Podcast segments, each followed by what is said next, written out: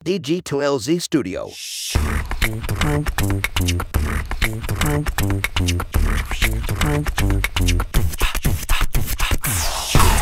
Selamat pagi, siang, sore, atau kapan pun waktu yang teman-teman pakai untuk mendengarkan podcast ini. Kembali lagi bersama saya Panji di podcast Ngobrol Bisnis.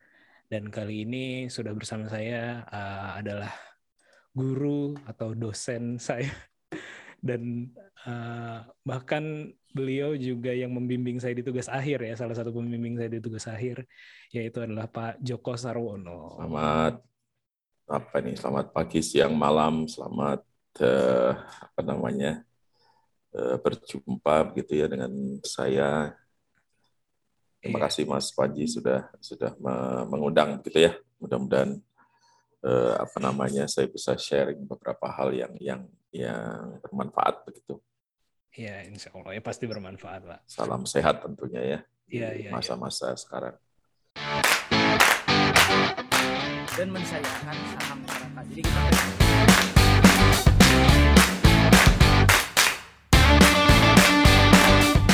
beda sama Jakarta kalau orang Bandung tuh uh, investasiin buat sekolah anak. Golf into something new. Gitu kupu-kupu mungkin uh, ayahku tuh satpam gitu kan? Di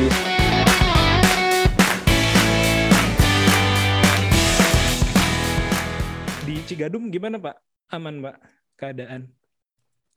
So far aman, alhamdulillah. Jadi kalau diamati dari dua tahun terakhir eh, rasanya eh, jarang masuk red zone ya. Jadi eh, apa namanya? Mungkin dia karena tidak terlalu ramai dengan dengan pusat kumpul ya. Eh, di jadi rasanya mungkin masih ada case tapi masih tertangani lah ya.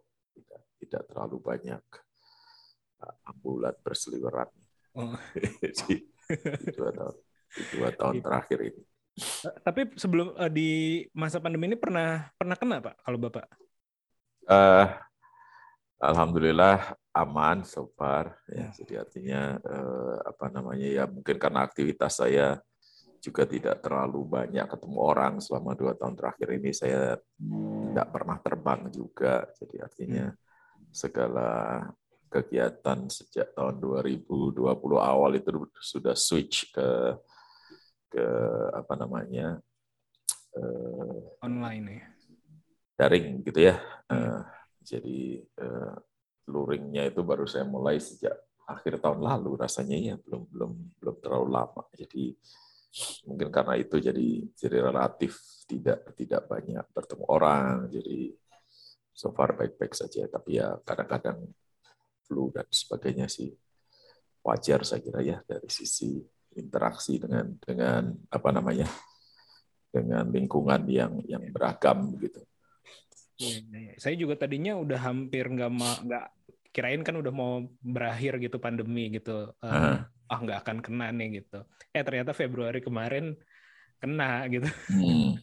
Jadi kayak apa uh, omikron juga kayaknya karena nggak terlalu uh, berat juga. Makanya pas yeah. janji sama Pak Joko, kayaknya online dulu Pak. Takutnya masih ada. Walaupun udah negatif, cuman khawatir ya membawa-bawa virus gitu. Jadi ya penyebarannya lebih lebih cepat soalnya.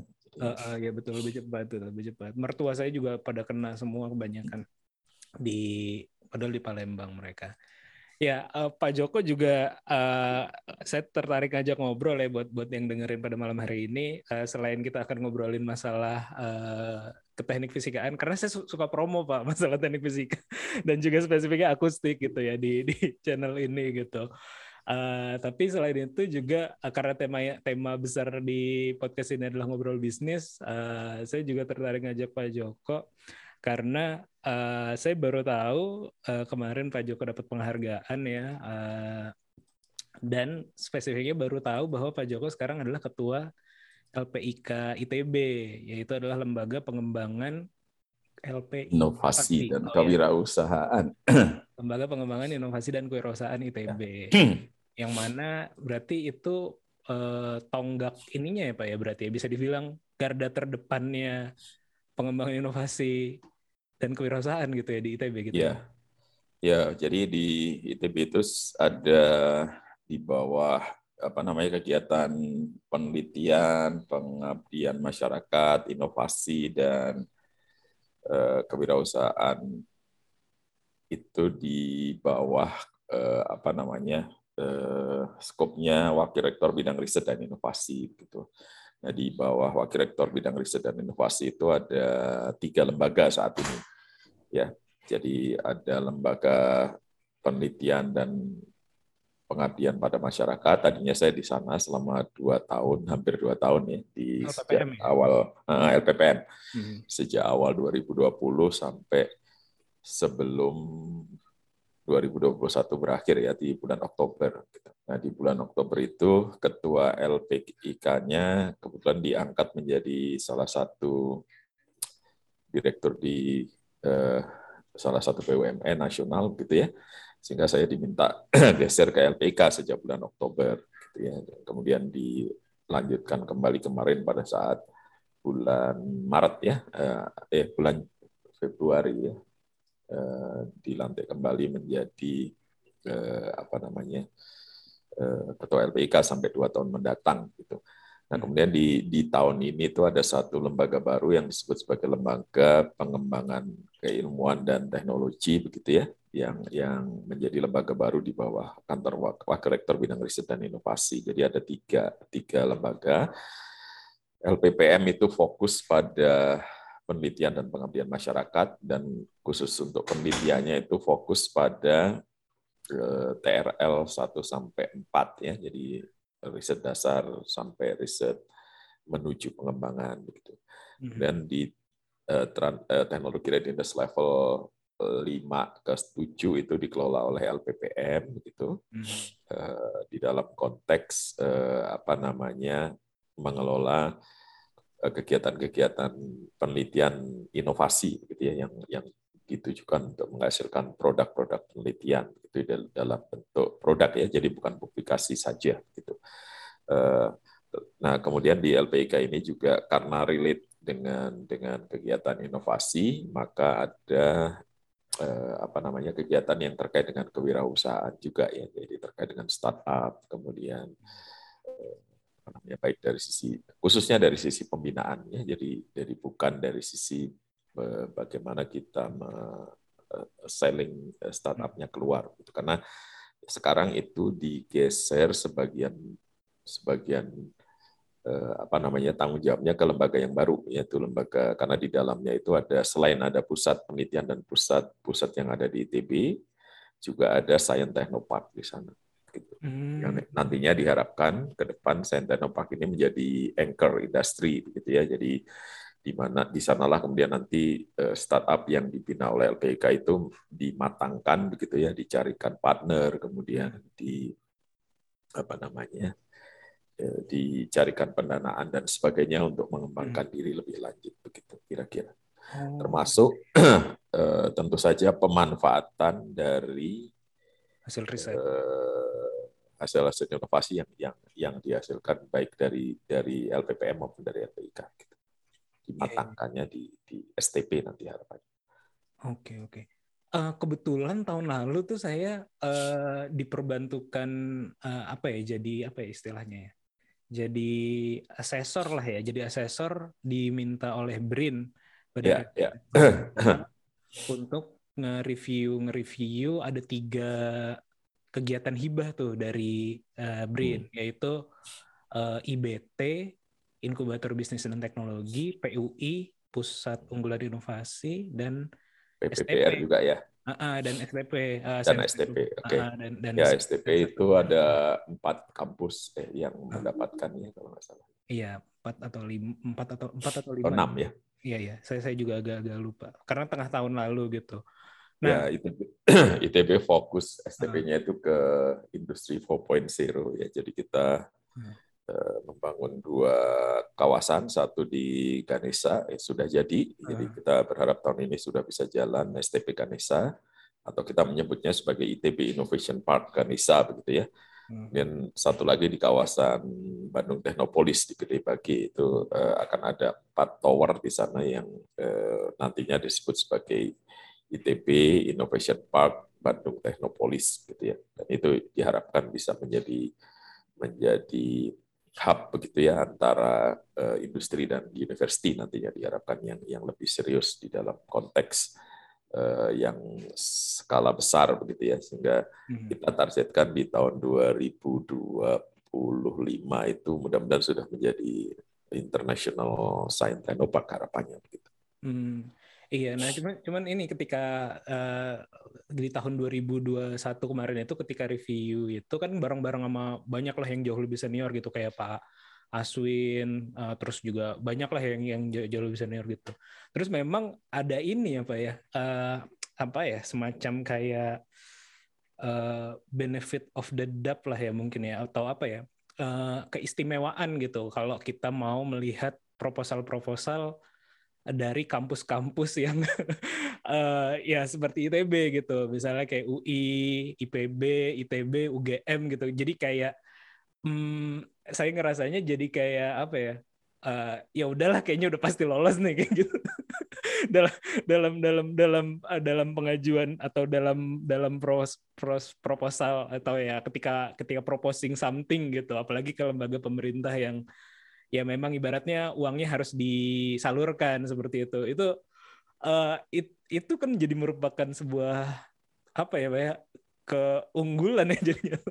Atau bagaimana Pak? Kalau kalau ada pandangan nggak Pak terkait dengan Ya saya kira mungkin ya jadi eh, apa namanya bukan bukan apa namanya barangkali karena dari sisi apa namanya memang kinerja dari kampus-kampus yang di eh, apa namanya ditugaskan. Ini kan sebenarnya lebih ke penugasan kan ya jadi penugasan untuk menjadi penghela dari ekosistem inovasi yang yang diharapkan terbentuk secara nasional begitu. Jadi uh, kalau eh, kita ingin me memulai, saya kira mungkin juga sebaiknya memang harus dimulai dari dari mereka-mereka yang sudah punya track record dari sisi apa namanya kegiatan penelitian atau apa namanya penelitian inovasi lah ya yang terkait hmm. dengan dengan dengan kegiatan yang diharapkan diemban oleh STP ini. Hmm. Kalau kebetulan kemudian salah satunya adalah ITB, saya kira ya dari sisi apa namanya eh, kinerja eh, kalaupun misalnya dilihat lima tahun terakhir, saya kira juga eh, kita menunjukkan cukup eh, banyak konsistensi begitu ya di sisi eh, apa namanya kegiatan-kegiatan yang kita kita lakukan tampaknya. Jadi eh, wajar tapi ya. sekaligus tentunya ini menjadi tugas berat ya karena karena kalau hmm kalau kemudian apa namanya eh, apa tidak berjalan lancar ya akan menjadi backfire yang tidak tidak tidak tidak tidak mudah juga untuk diatasi. Jadi kita sampai hari ini mempersiapkan betul itu terkait dengan dengan bagaimana kemudian kita mengelola termasuk di dalamnya bagaimana reorganisasinya ya karena ke depan kan eh, apa namanya Science Park ini mau tidak mau gitu ya pada saat kita bersentuhan cukup intensif dengan dengan dengan industri hmm. diperlukan juga pengaturan misalnya dari sisi administrasi keuangan yang lebih hmm. lebih uh, apa namanya lebih ya. lincah gitu ya di dalam mengakomodasi setiap kegiatan yang ada.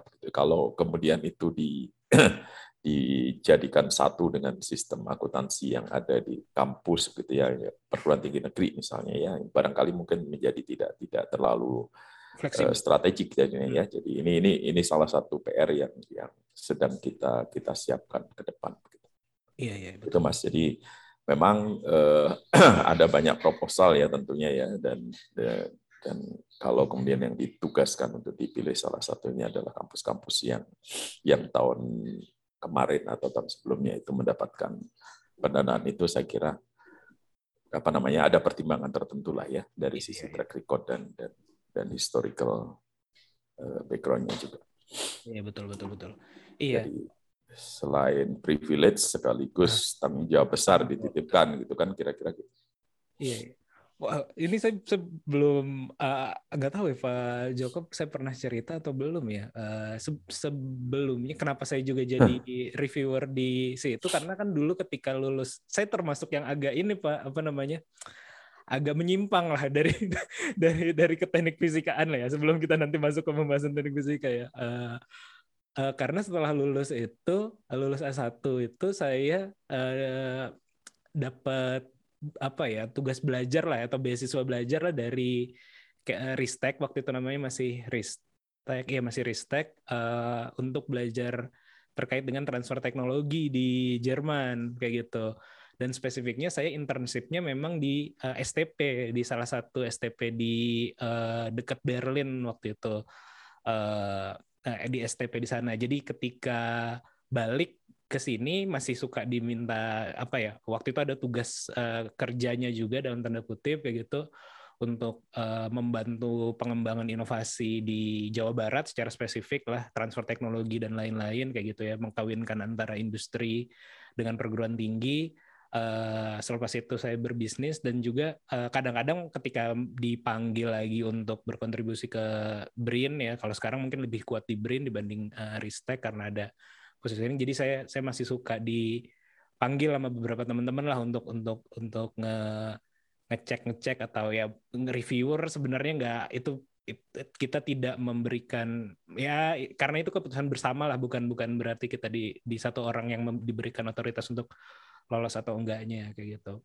Uh, jadi mungkin nanti kita akan ya sebelum sebelum ngebahas lebih jauh tentang, tentang itu saya pengen tarik mundur dulu nih Pak uh, terkait dengan uh, ke teknik fisikaan, spesifiknya di akustik ya. Uh, saya kalau kalau saya cerita sedikit ya, saya sendiri sebenarnya ketika di S1 dan ngambil tugas akhirnya di laboratorium akustik ya atau di fisika bangunan kelompok keahliannya karena memang uh, senang dengan uh, senang dengan uh, musik sih sebenarnya pada waktu itu gitu ya. Jadinya agak tertarik dengan uh, bagaimana sudut pandang fisika terhadap musik atau ya lebih luas lagi mungkin akustik ya atau suara lah kayak gitu ketertarikan itu muncul gitu jadi oke okay, kita cari uh, tugas akhir yang kita suka lah yang saya suka gitu biar kalau dengar teman-teman kan banyak yang uh, malas-malasan ngerjain tugas akhir jadi saya pengen nyari sesuatu yang membuat saya jadi semangat gitu mengerjakan tugas akhir ya jadinya saya masuk ke situ uh, nah kalau Pak Joko uh, awal muasalnya bagaimana tuh Pak? Uh, kenapa uh, tertarik di bidang keakustikan ya dan sangat hmm. expert lah dibilang ya sampai saat ini gitu sudah ber long time ago itu ya. Jadi uh, harus narik ke zaman SMA ya. Kenapa dulu? Uh, Jadi saya dulu SMA kan di Jogja ya, di SMA 1 Jogja dulu. Oke. Okay. Uh, SMA satu Jogja itu kurang lebih kayak SMA 3 lah ya di Bandung kira-kira hmm. gitu ya. Jadi ya, banyak teman-teman dari SMA satu. Ah, gitu. Jadi kalau SMA satu Jogja itu kalau nggak ke UG, eh, sebagian besar ke UGM, SMA 3 Bandung sebagian besar ke ITB gitu ya atau ke Unpad gitu ya.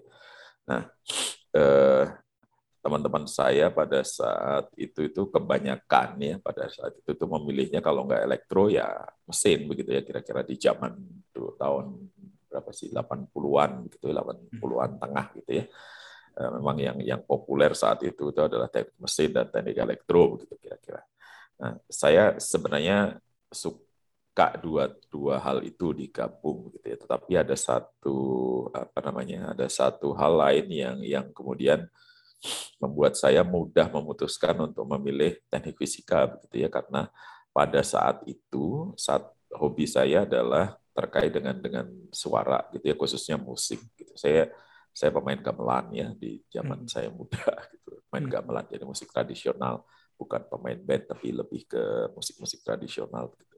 Sehingga menyukai eh, teknologi suara dan pada saat itu yang ada apa namanya? Program studi yang ada ada yang mempelajari teknologi terkait dengan suara ya hanya teknik fisika ITB pada saat itu ya ya, sebelum waktu itu teknik fisika ITS belum banyak hmm. dikenal dan seterusnya. Jadi inginnya ke ITB, milihnya apa ya udah TF gitu aja ya. Hmm. Jadi kemudian ditambah lagi sebelum menentukan pilihan di kelas berapa ya kelas 2 waktu itu. Itu ada salah satu alumni dari Teknik Fisika ITB datang ke SM eh, ke sekolah kita dan memberikan eh, info yang menguatkan pilihan saya. Jadi ya ya sudah. Jadi as as simple as that ya. Jadi hasilnya hmm. saya suka suara. Ada program studi yang mempelajari tentang suara dan itu namanya teknik fisika gitu ya. Jadi akhirnya saya masuk teknik fisika. Jadi waktu itu lewat lewat PMDK ya. Jadi PMDK itu kurang lebih sama dengan SNMPTN lah sekarang ya. Jadi kalau SNMPTN itu kan semester 1 sampai 5, kalau PMDK dulu hanya semester 1 sampai 4 ya. Jadi di kelas 2 akhir itu kita sudah memilih ingin ke mana begitu. Jadi eh, pilihan ke TF-nya itu karena itu ya. Eh, Berarti apa namanya karena ada berarti udah tahu bahwa TF itu ada ada akustik ya. Oh, iya, iya. Ya. Jauh jauh lebih advance ya. Kalau saya itu baru Ya, tahu- jadi jadi baru tahu ketika udah nyemplung. kalau kalau dalam bahasa Jawanya seperti tumbuh oleh tutup gitulah ya.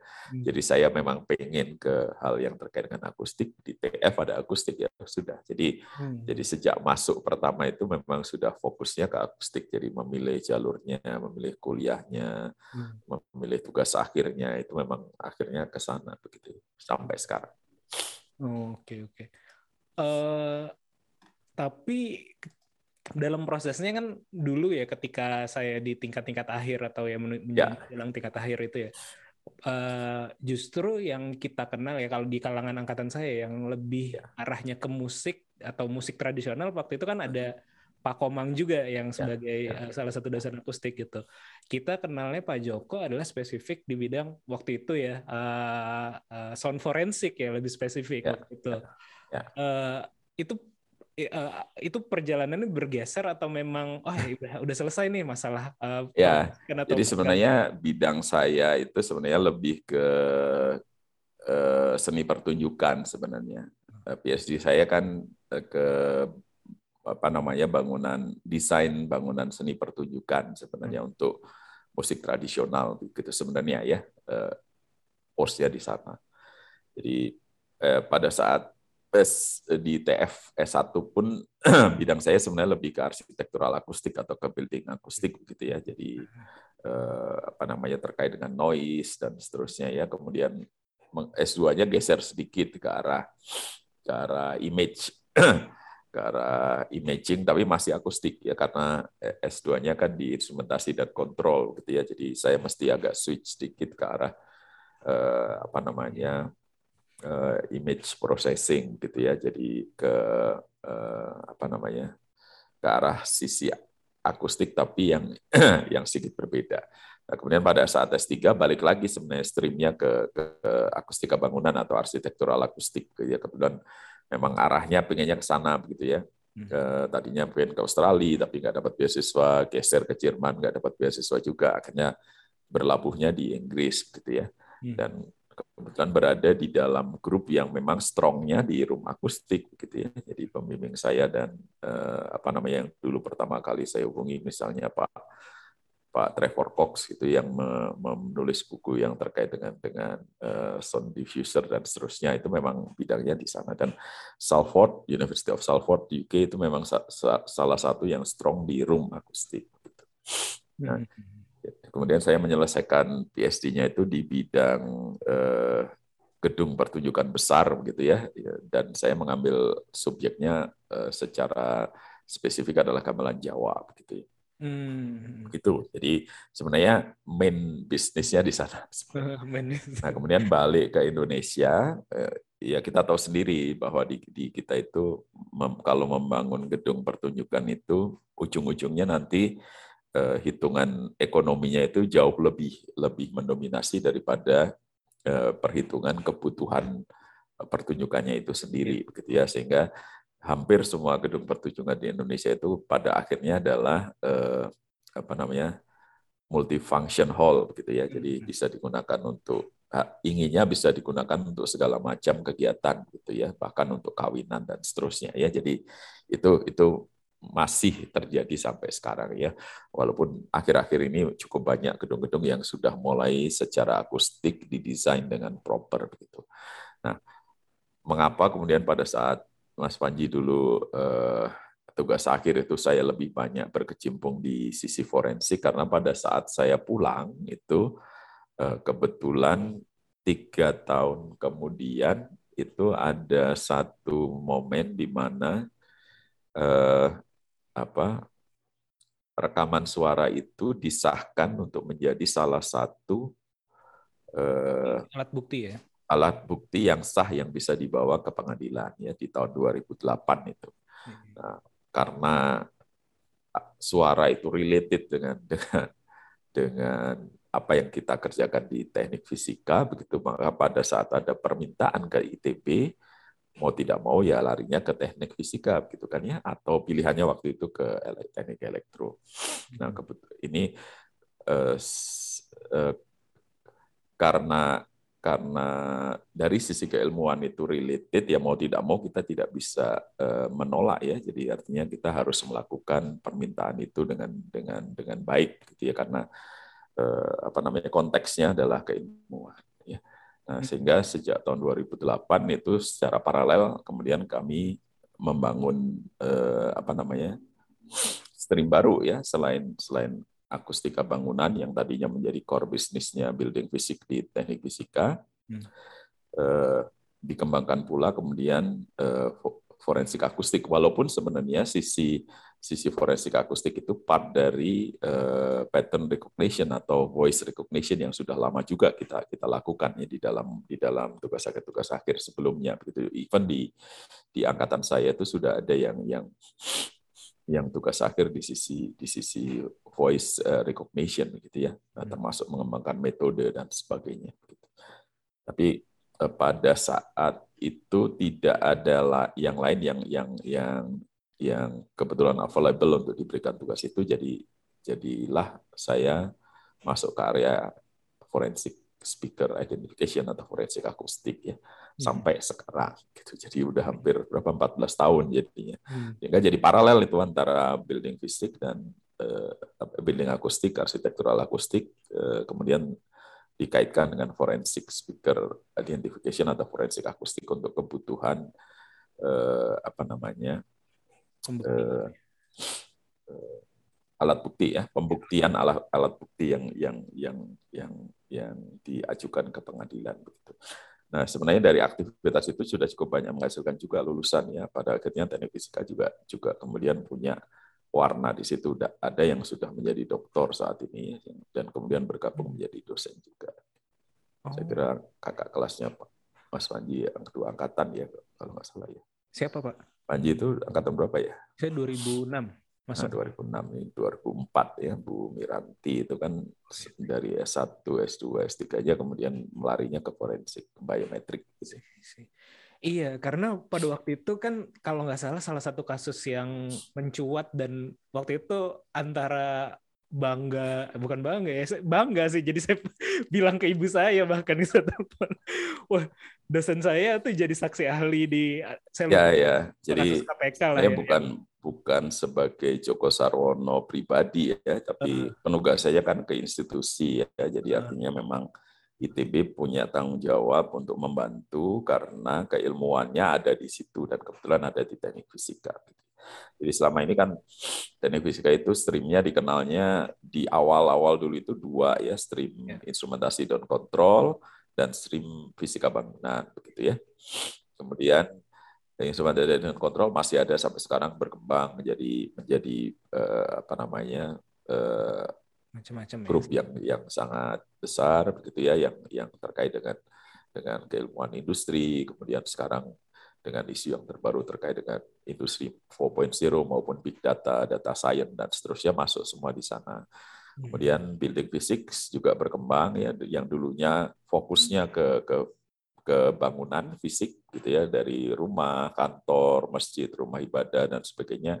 Kita berkembang juga sekarang ke arah yang eh, apa namanya mengantisipasi keilmuan terbaru misalnya yang terkait dengan meta material gitu ya yang, mm -hmm. terkait dengan bangunan eh, yang sekarang semakin tinggi berarti perlu material yang material akustik yang semakin ringan tetapi kinerjanya misalnya tidak tidak kalah dengan yang yang berat begitu dan seterusnya ya jadi isu-isu terbaru cukup banyak kemudian muncul juga isu yang terkait dengan soundscaping gitu soundscape gitu ya atau bahasa Indonesia-nya apa soundscape itu ya. Eh, hmm. ada yang menggunakan istilah uh, lanskap suara ada yang menggunakan istilah akustik ekologi gitu ya. Itu juga kita coba kembangkan sejak tahun 2010 gitu ya. Jadi cukup cukup lama juga kita mengembangkan uh, soundscape ini. Dan kita sekarang mungkin kalau dilihat dari sisi uh, apa namanya grup di Indonesia yang paling paling lengkap ya di sisi soundscape ini. Ada ada grup-grup lain tentu saja di UGM, di Petra dan seterusnya ya. Hmm. Eh, itu pengembangan dari dari dari kemudian dan kemudian di di setelah teman-teman yang belajar dari luar kembali itu grup material kemudian muncul menjadi grup eh, yang strong juga di TF ya. Jadi ada Hmm. advanced functional material, kemudian computational material design dan seterusnya itu pada zaman-zaman saya baru mau tugas akhir itu sudah mulai besar dan kita sekarang di TF itu dikenalnya tiga itu jadi instrumentasi dan Iya. kontrol building physics lebih luas dari sisi tidak hanya bangunan termasuk mencakup tadi forensik kemudian lightingnya juga berkembang eh, luas begitu ya kemudian satu lagi yang terkait dengan material eh, apa namanya science and technology ya baik dari sisi eh, nano mikronya sampai eh, makronya begitu ya jadi dari sisi komputasi membangun material baru sampai eh, dari sisi eh, apa namanya eksperimental eh, material design gitu ya untuk ke- Mhm. berbagai keperluan. Nah kemudian seiring dengan ide apa namanya isu tentang keenergian maka ada grup yang tumbuh baru lagi kemudian yang terkait dengan manajemen energi ya terkait dengan dengan eh, sistem energi begitu ya digawangi oleh Pak Edi dan kawan-kawan ya. I Jadi menjadi komplit sebenarnya. Memang diharapkan eh, di teknik fisika itu kan menjadi broad apa sih namanya broad base eh, engineering begitu ya. Jadi apa namanya multifaceted engineering ya. Jadi jadi tidak tidak tidak Spesifik. tidak pada koridor yang yang yang yang yang sempit tapi lebih ke lebar basisnya begitu. sehingga diharapkan lulusannya itu menjadi lebih fleksibel untuk mengembangkan diri nantinya pada saat dia melanjutkan S2, S3 maupun bekerja langsung di di di industri ataupun di tempat lain atau membangun industri sendiri begitu. Iya betul betul. Saya sendiri eh eh, Jadi kalau kalau Mas Panji kemudian bergeser dari dari stream akustik ke sekarang ya tidak aneh karena memang memang eh, salah satu ciri dari teknik fisika adalah itu. gitu. Jadi eh, iya, iya. fleksibel untuk untuk beradaptasi dengan dengan dengan perkembangan teknologi dan perkembangan dunia. Jadi Iya iya iya. Ini ini juga saya juga nggak tahu jadi apa ya eh, agak arogansi jurusan atau bagaimana. Karena karena da- kalau dalam praktik ya misalnya dalam udah 10 tahun profesional lah ya gitu. Ketika saya bekerja dengan teman-teman eh, dari alumni TF bahkan sekarang di eh, bisnis saya juga ada dari te- teknik fisika UGM anak eh, baru masuk gitu ya. Eh, itu apa ya jadi lebih jadi tadi ya sudut pandangnya jadi lebih luas sebenarnya jadinya jadi tidak bahkan kan industrinya berbeda gitu kalau saya kan Ya. saat ini lebih banyak di digital dan uh, software kayak gitu Ya. walaupun ada sedikit cuman saya melihat jadi lebih apa ya problem solvingnya lebih dapat terus juga sudut pandangnya lebih luas sebenarnya itu makanya ketika kalau nggak salah berapa tahun sebelum pandemi gitu saya sempat diminta Pak Brian ya waktu itu untuk uh, sharing di apa ya acaranya FTI gitu uh, apa karena mungkin uh, entrepreneur lagi apa ya lagi kayak keren gitu ya pada zaman ini uh, diminta untuk sharing-sharing terkait dengan teknik fisika pada waktu itu kayak gitu. Nah salah satu yang saya sampaikan adalah uh, hal tadi tuh sebenarnya uh, apa ya generalis versus spesialis lah mungkin pada pada fase-fase awal apalagi S1 yang belum ajak orang kuat keinginannya apalagi belum belum kadang-kadang juga masuk jurusan kan asal pilih aja gitu ya. Eh, saya harap eh saya bilang lebih bagusnya masuknya ke yang lebih general dulu lah. Biar nanti kalau mau eh, S2-nya atau misalnya mau profesional di bidang apa bisa bisa lebih masuk gitu. Jadi saya saya termasuk saya bilang begitu pada waktu itu. Dan dan pengalaman kerja juga jadi apa ya tadi seperti saya bilang. Bahkan istri istri saya kan anak uh, matematik mbak matematika ITB dia tuh suka bikin uh, uh, beberapa tahun mulai dari beberapa tahun yang lalu bikin lembaga apa namanya lembaga belajar lah bimbel seperti itu gitu. Bikin bimbel. Dia bilang tuh kalau kan suka open recruitment pengajar dari mahasiswa kan gitu. Ketika anak teknik fisika tuh bagus gitu.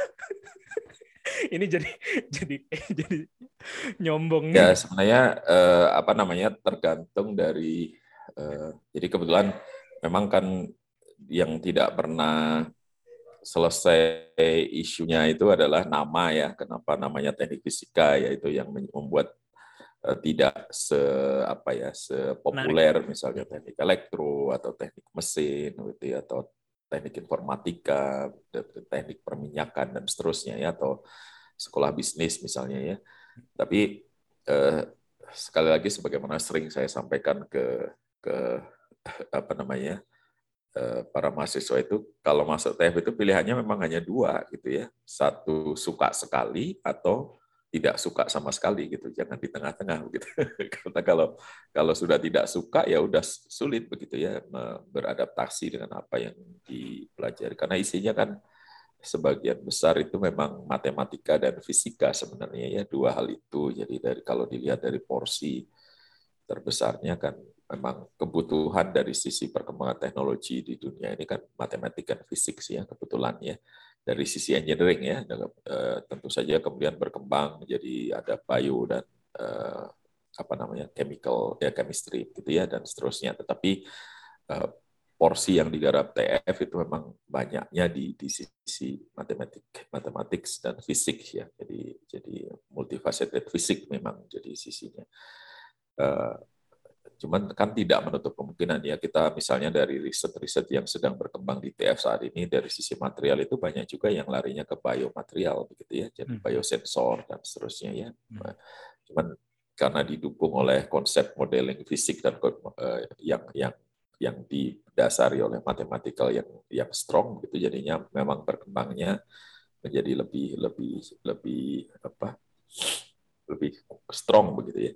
Hmm. termasuk misalnya dikembangkan ke sistem bisnis ya karena kemudian pada saat masuk ke area bisnis atau ke area digital teknologi begitu kan urusannya kan juga juga uh, tidak lepas dari dari sisi uh, support matematik dan pemahaman tentang tentang uh, apa namanya sistem fisik begitu ya dalam dalam bentuk yang lain begitu.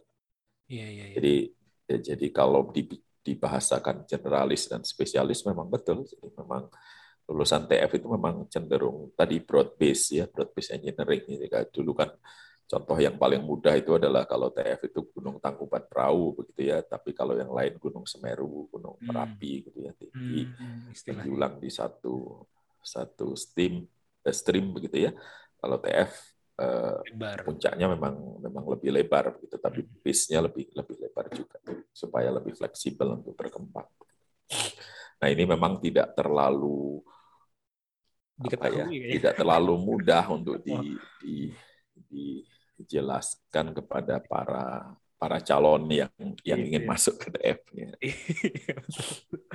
nah, balik sedikit ter terkait dengan akustik, Pak. Kalau tadi kan berasal cerita, berarti uh, memang banyak di arsitektural akustik, uh, di TF-nya sendiri dan Pak Joko juga, terus di sound forensik, uh, terus juga tadi ada soundscape ya. Uh, kalau saya tuh waktu tadi ya seperti saya bilang waktu ketik ketika lagi ke Jerman padahal itu 10 tahun yang lalu ya 2011 eh, waktu itu eh, 11 tahun bahkan ya 2011 saya saya ke Jerman itu ada salah satu startup bisnis di sana yang yang menurut saya uh, akustik banget TF banget lah. Dia bikin namanya tuh uh, aduh saya lupa uh, nama bisnisnya lupa. Cuman dia bikin image apa ya uh, image processing dari akustik di mobil gitu. Jadi dia itu uh, mereka nih grup mereka ini di hire sama kayak VW, sama BMW dan, dan lain-lain untuk jadi jadi mereka tuh sound apa ya kayak ngefoto suara lah ibaratnya atau ngevideoin suara sehingga eh, mobil-mobil Eropa atau mobil Jerman tersebut tujuannya kan agar halus gitu nggak nggak nggak bising di dalam mobil dan juga nggak nggak apa ya bunyi mesinnya tidak tidak tidak berisik lah kayak gitu. Jadi mereka potret dalam keadaan seperti itu uh, akustiknya ya ini ininya aja sih apa namanya gimmicknya aja lah foto foto akustik kayak gitu gitu cuman cuman basicnya seperti itu mendetek getaran dari mana sehingga nanti mereka bisa prevent uh, melakukan pencegahan di titik-titik yang sumber bisingnya tersebut gitu. Uh, bahkan sudah sudah sudah sejauh itu itu 10 tahun yang lalu gitu terus eh, dan dan banyak lagi lainnya gitu kayak perkembangan gedung konsernya terus juga eh, kalau kita ngomongin sekarang eh, walaupun lebih banyak didekati oleh teman-teman dari eh, informatika ya kayak eh, speech recognition padahal sebenarnya kan area TF juga di sana dengan AI dan segala macam itu kan eh, tambahannya lah. Eh, eh, kalau sekarang apakah eh, apakah di TF sendiri atau industrinya di Indonesia sudah mengarah ke sana nih atau ibaratnya kalau kalau kalau sarjana teknik fisika khususnya yang di bidang akustik apakah menemukan pekerjaan-pekerjaan yang ideal seperti itu di Indonesia saat ini Pak gitu.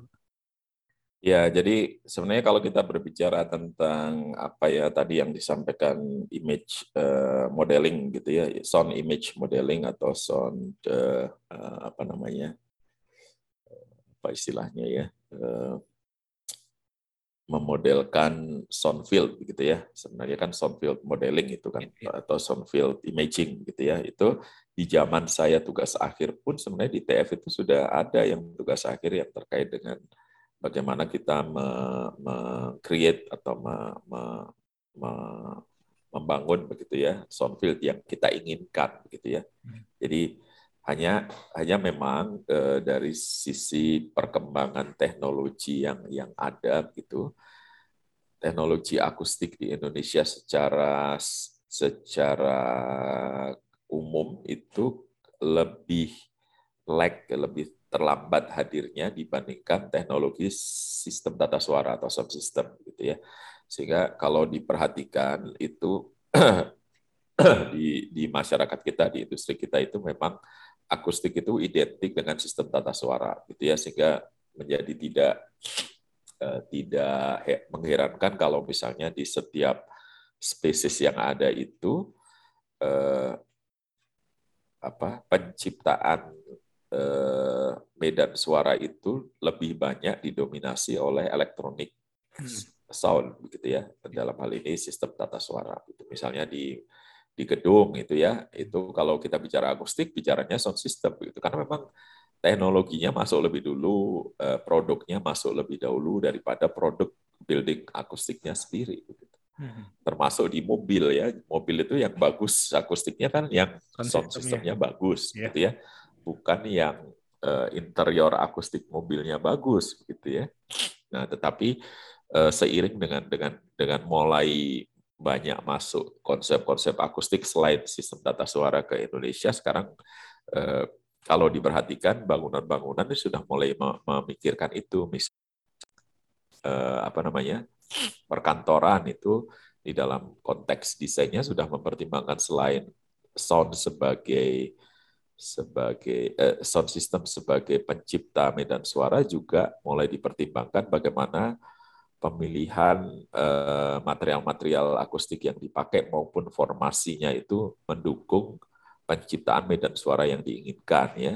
Termasuk di dalamnya di mobil ya. Di mobil itu sudah mulai banyak di di di eh, apa namanya user itu minta misalnya ruangannya quiet dan seterusnya itu kan nggak bisa diciptakan dengan sistem tata suara ya.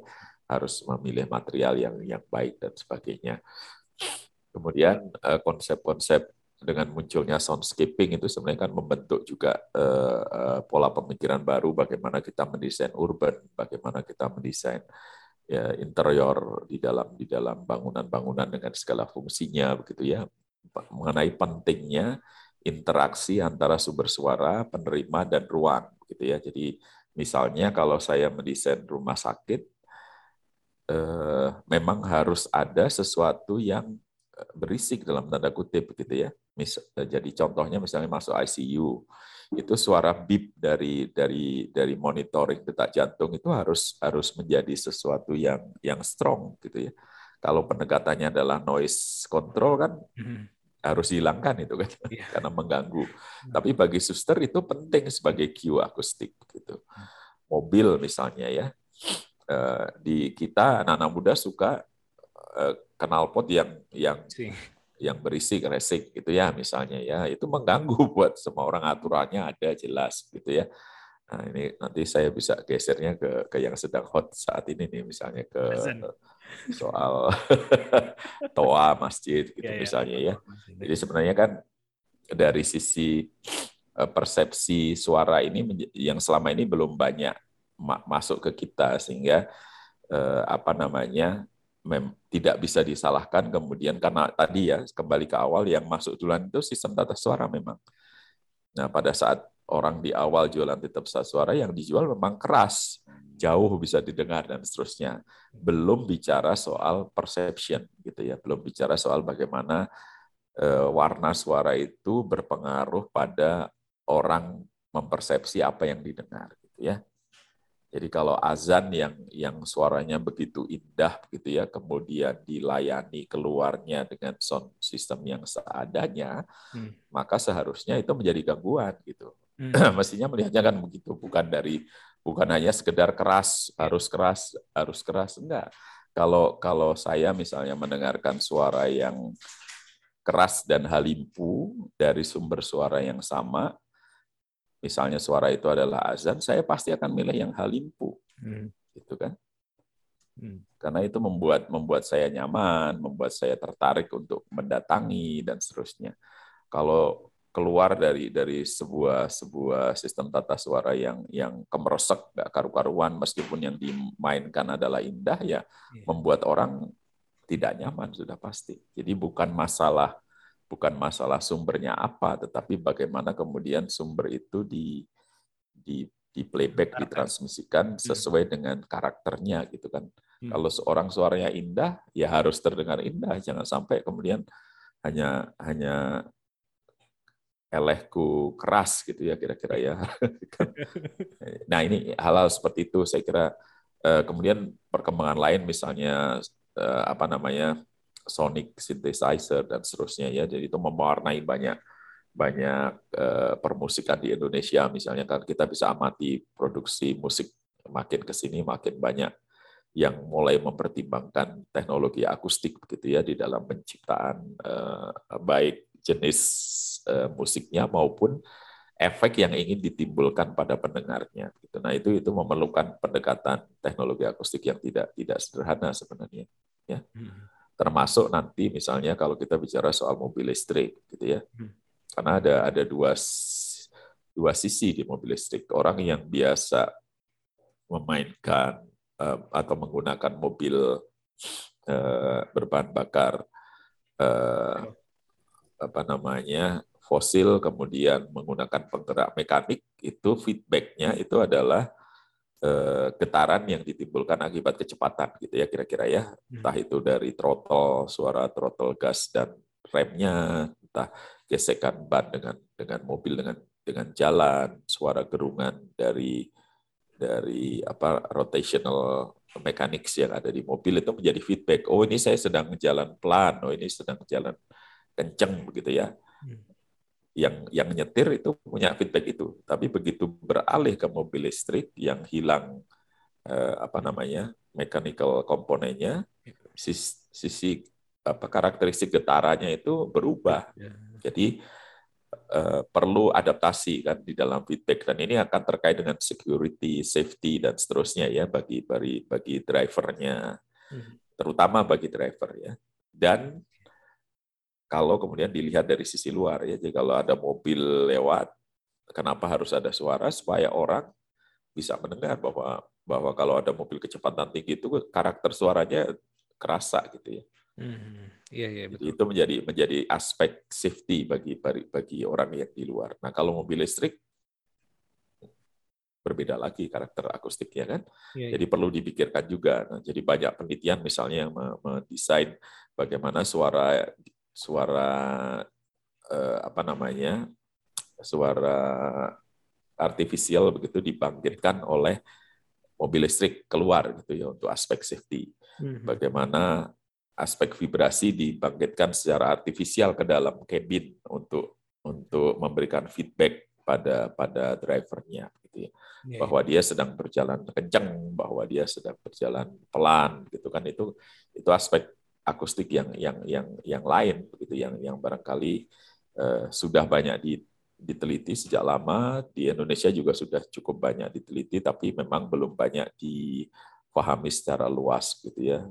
Nah, itu pasti tidak bisa di, di, di, diamati kalau kita tidak tidak tidak tidak punya basic uh, keilmuan uh, wave uh, mechanics yang yang strong gitu ya. Nah, kenapa misalnya kemudian teman-teman di yang bermain di sisi uh, apa namanya non teknik fisika itu kemudian banyak bermain juga di sisi di sisi-sisi bidang-bidang yang di, seharusnya misalnya ya kalau menurut Mas Panji tadi diisi oleh teman-teman teknik fisika karena umumnya kan sistem uh, fisik itu kita bisa modelkan dengan fungsi transfer ya hmm. atau transfer function ya urusannya hanya input output begitu ya jadi fungsi transfernya itu ya bisa saja dikembangkan dengan konsep black box gitu ya dan bisa dianalisis dengan konsep AI sekarang nah, AI itu kan sebenarnya uh, yang menjadi salah satu uh, apa namanya strongnya itu adalah dia mampu me, me, me, me atau menganalisis dengan dengan baik begitu ya meskipun transfer function-nya itu black box. Black box. Jadi artinya orang yang bermain di situ tidak perlu harus memahami fenomena fisik yang terjadi. Iya iya iya iya ya. Betul. Gitu kan? Ah. Jadi yang penting adalah output-nya tercapai dengan input yang yang yang yang dipunyai atau kalau saya punya output yang yang eh, ingin saya inginkan inputnya harus seperti apa begitu dan itu diserahkan kepada sistem untuk mengcreate-nya. Hmm. Nah ini ini memang menjadi menjadi tarik ulur untuk teknik fisika ke depan begitu. Jadi TF itu sekarang masih perlu atau enggak gitu kira-kira. kalau kalau kemudian kita bisa bermain black box gitu ya sebenarnya semua sistem sekarang kan yang yang tradisional kan bisa diselesaikan dengan pendekatan artificial intelligence apalagi nanti kalau sudah sampai ke uh, apa quantum computing gitu ya itu akan cepat sekali mendeteksi uh, transfer function yang di-create serumit apa pun misalnya ya. Tapi saya masih yakin bahwa pengetahuan tentang tentang eh, fenomena, fisis yang melatar belakangi semua sistem yang ada itu masih tetap diperlukan karena nanti terkait dengan tadi misalnya safety, kemudian terkait dengan what if-nya kalau atau uh, ada hal-hal lain yang yang yang yang misalnya untuk pengembangannya sebenarnya sisi fisis apa yang harus dikembangkan lebih lanjut. Iya. Ya. Hmm, tapi berarti ya tadi seperti balik ke pertanyaan saya itu tadi menarik banget tuh yang masalah safety mobil listrik juga ya. Jadi mengingatkan saya pada cerita-cerita zaman apa cerita zaman-zaman pertama kali uh, pesawat fly by wire ya katanya kalau nggak salah saya dengar dengar nggak tahu ini dengar dari mana ya uh, pada waktu itu tuas uh, dorongnya itu memang uh, tidak lagi seberat ketika nggak fly by wire gitu jadi ketika ketika trans uh, ketika di, diubah makanya sekarang safety-nya adalah itu dikembalikan uh, ada butuh power lah karena secara intuitif si pilotnya ngerasa itu berkaitan gitu.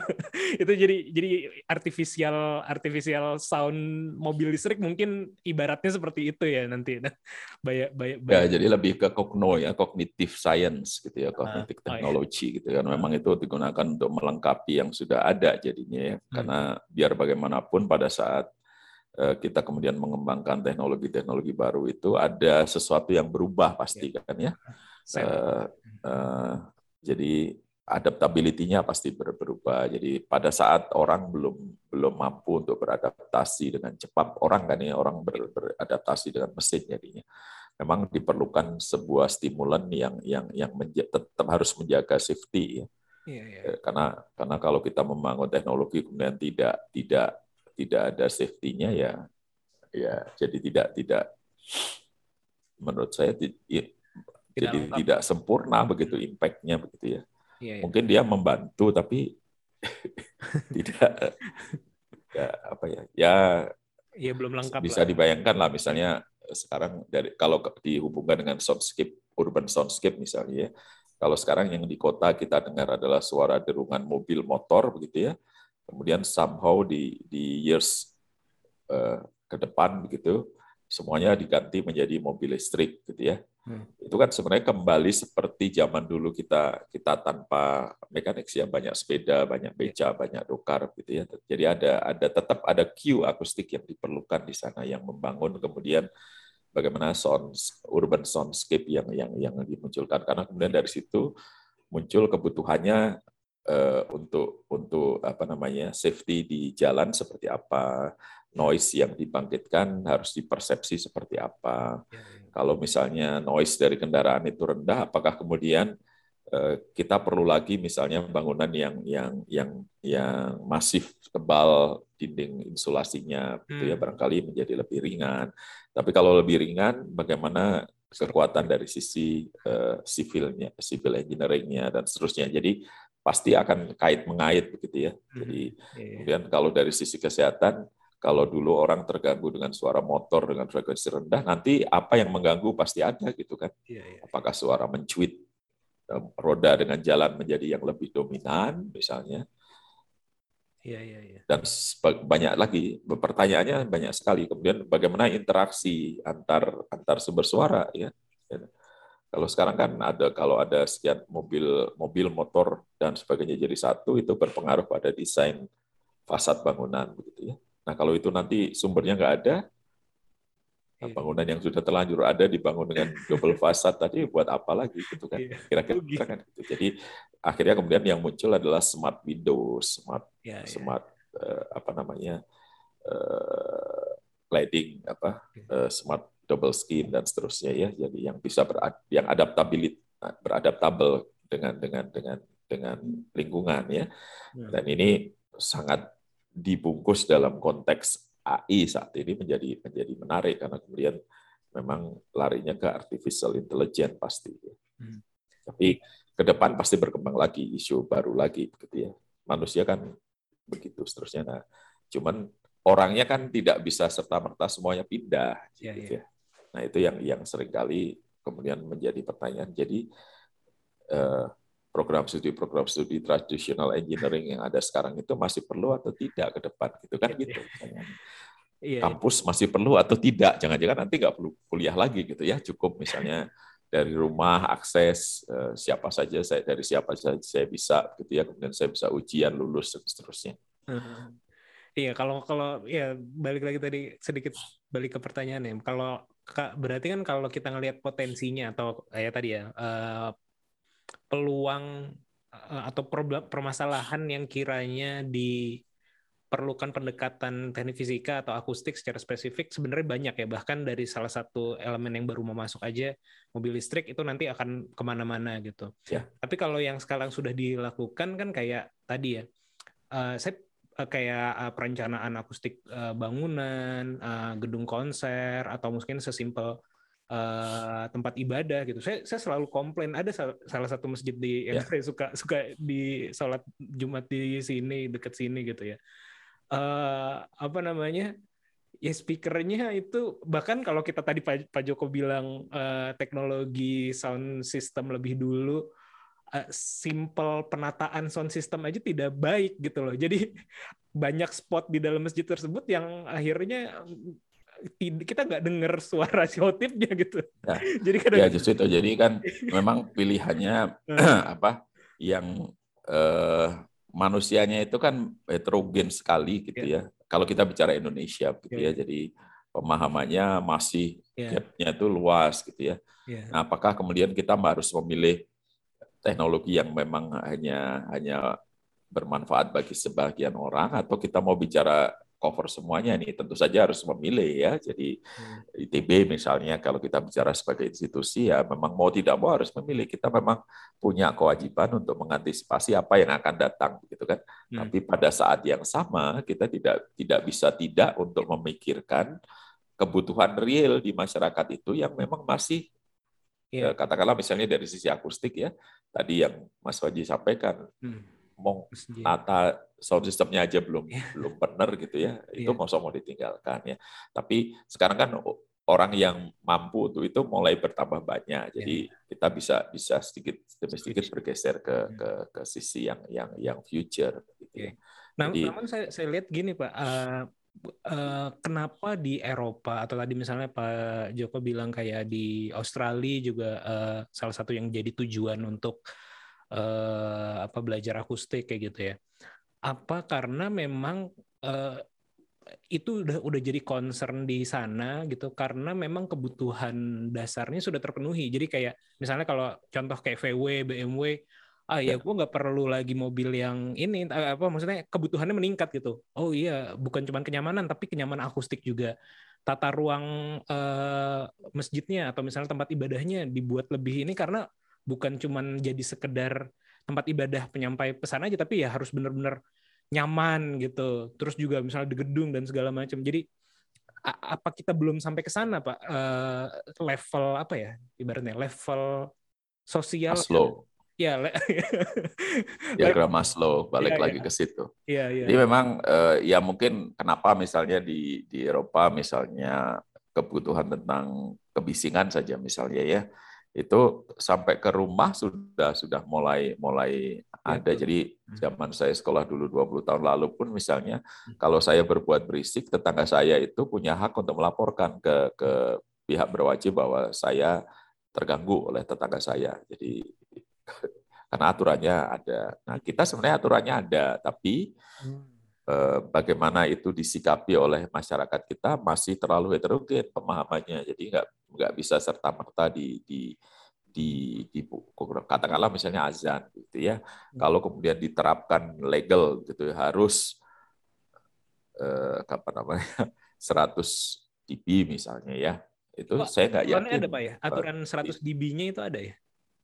Eh, sebenarnya kan tidak ada aturan Hmm. di edarannya pun juga enggak itu kan himbauan saja. Misalnya eh, maksimum di di level settingnya 100 dB dan kalau kita bicara bicara soal dB pun pemahamannya kan berbeda masih beragam gitu ya. 100 dB itu buat saya gede banget gitu ya. Tapi bagi sebagian orang mungkin kecil kok bagi satu gitu ya kita kira misalnya. Satu saja dipermasalahkan. Tapi orang membayangkan 100 dB itu sebesar apa itu belum tentu Belum belum tentu benar membayangkannya gitu ya. Kalau nggak Gitu salah, kan? saya juga jadi ingat kalau yang du- dulu kan kalau lagi di kampus tuh eh, tingkat berapa tuh kita ada kul ada apa ya namanya sih? Eh, apa ya? Lab ya, ada ada praktikum, ada praktikum. Iya, iya. Yang- Jadi artinya kan orang yang memahami skala bukan skala, memahami skala di desibel itu pun itu masih beragam di kita. Ya. Oh, enggak maksud saya Kalau- kalau nggak salah waktu di eh, itu kan kita ngukur eh, kebisingan Betul, betul. kan kalau nggak salah Setuju ada saya. aturannya kan, ada aturannya. Oke. 70. Tapi itu kan bagi mereka yang punya punya Oh, akses iya. ke situ Iya, iya, gitu betul. kan. Hmm. Sementara masyarakat kita kan ada 230 Iya, juta iya, iya. lebih gitu kan yang belum tentu paham apa itu desibel gitu kan ya. Ah, Jadi memang kemudian eh, apa harus memang harus hati-hati menjelaskannya ya. Iya, iya, iya. Soal masjid misalnya itu pun kita punya 800-an ribu masjid kan. Kalau dilihat hati-hati sat- satu-satu banyak yang masih perlu diperbaiki. Saya melakukan sudah hampir 20 tahun belum beres-beres juga menangani 800 ribu itu saking eh, saking banyaknya gitu ya. Jadi artinya memang yang paling bagus itu kemudian adalah me- men- me- mengembangkan kemampuan dari dari orang lain untuk untuk menjadi lebih lebih lebih Iya, iya. lebih bisa menguasai itu gitu kan.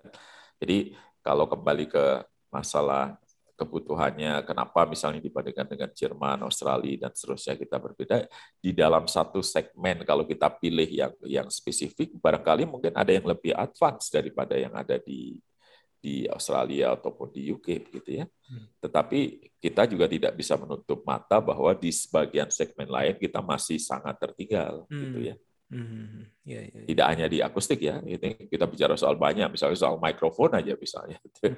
kalau mau podcast seperti ini gitu ya kalau mau diminta beli mikrofon seperti yang Mas Paji pakai itu kan orang dari 10 orang mungkin 8 orang mikir dua tiga kali gitu untuk beli gitu kan gitu kira-kira kan Iya, betul. karena harganya mahal gitu ya kira-kira ya walaupun kemudian kalau kita bicara soal apa yang kemudian dihasilkan kan itu urusan lain lagi gitu Iya, iya, betul.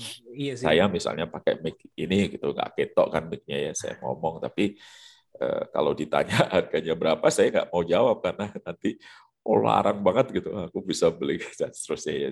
jadi itu masalah perception ya jadi memang memang kalau kita masuk ke arah persepsi ya nggak ada nggak ada batasnya memang pasti akan ribut pasti Iya, iya, betul, betul, betul.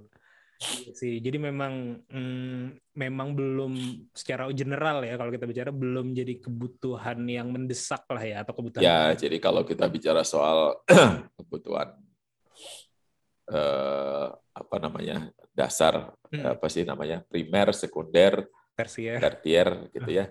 Masyarakat kita sedang menuju ke sekunder sekarang. Hmm, ya, ya. Se- Sebagian besar ya. Ya, ya, ya. Ya, jadi naik, memang naik. Kita bisa amati lah zaman saya sekarang sama kuliah. Zaman saya kuliah itu beda sekali. Gitu. Orang misalnya makan dulu yang penting kenyang gitu kan, Hmm. misalnya ya.